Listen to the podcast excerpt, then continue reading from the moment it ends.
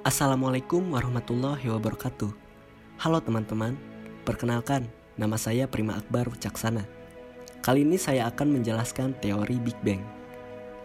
Teori Big Bang atau ledakan besar adalah teori terbentuknya alam semesta yang paling terkenal dan paling masuk akal.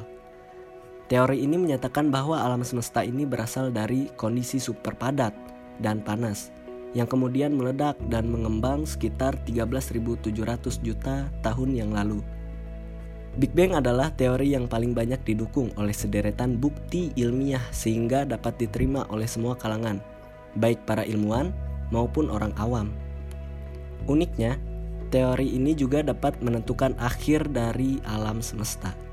Teori Big Bang pertama kali ditemukan oleh Abe George Lemaitre, seorang kosmolog asal Belgia pada tahun 1920-an.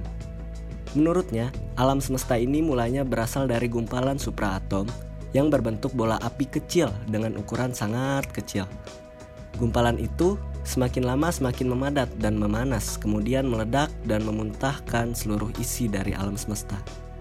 Big Bang melepaskan sejumlah besar energi di alam semesta, yang kemudian membentuk seluruh materi alam semesta dan kemudian berkembang hingga menjadi bentuk yang sekarang ini dan akan terus berkembang. Atom hidrogen terbentuk bersamaan saat energi dari Big Bang meluas keluar.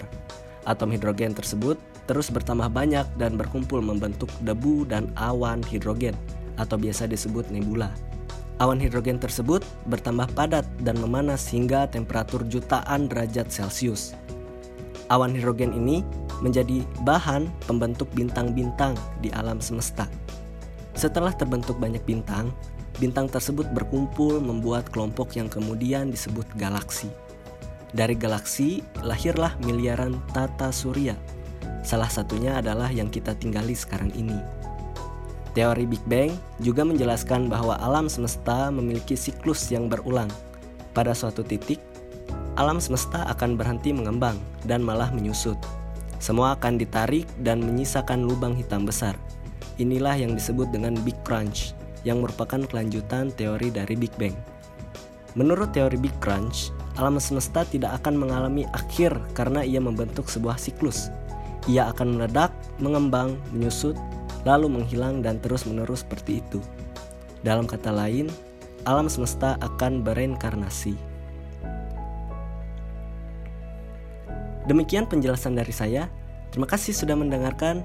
Wassalamualaikum warahmatullahi wabarakatuh.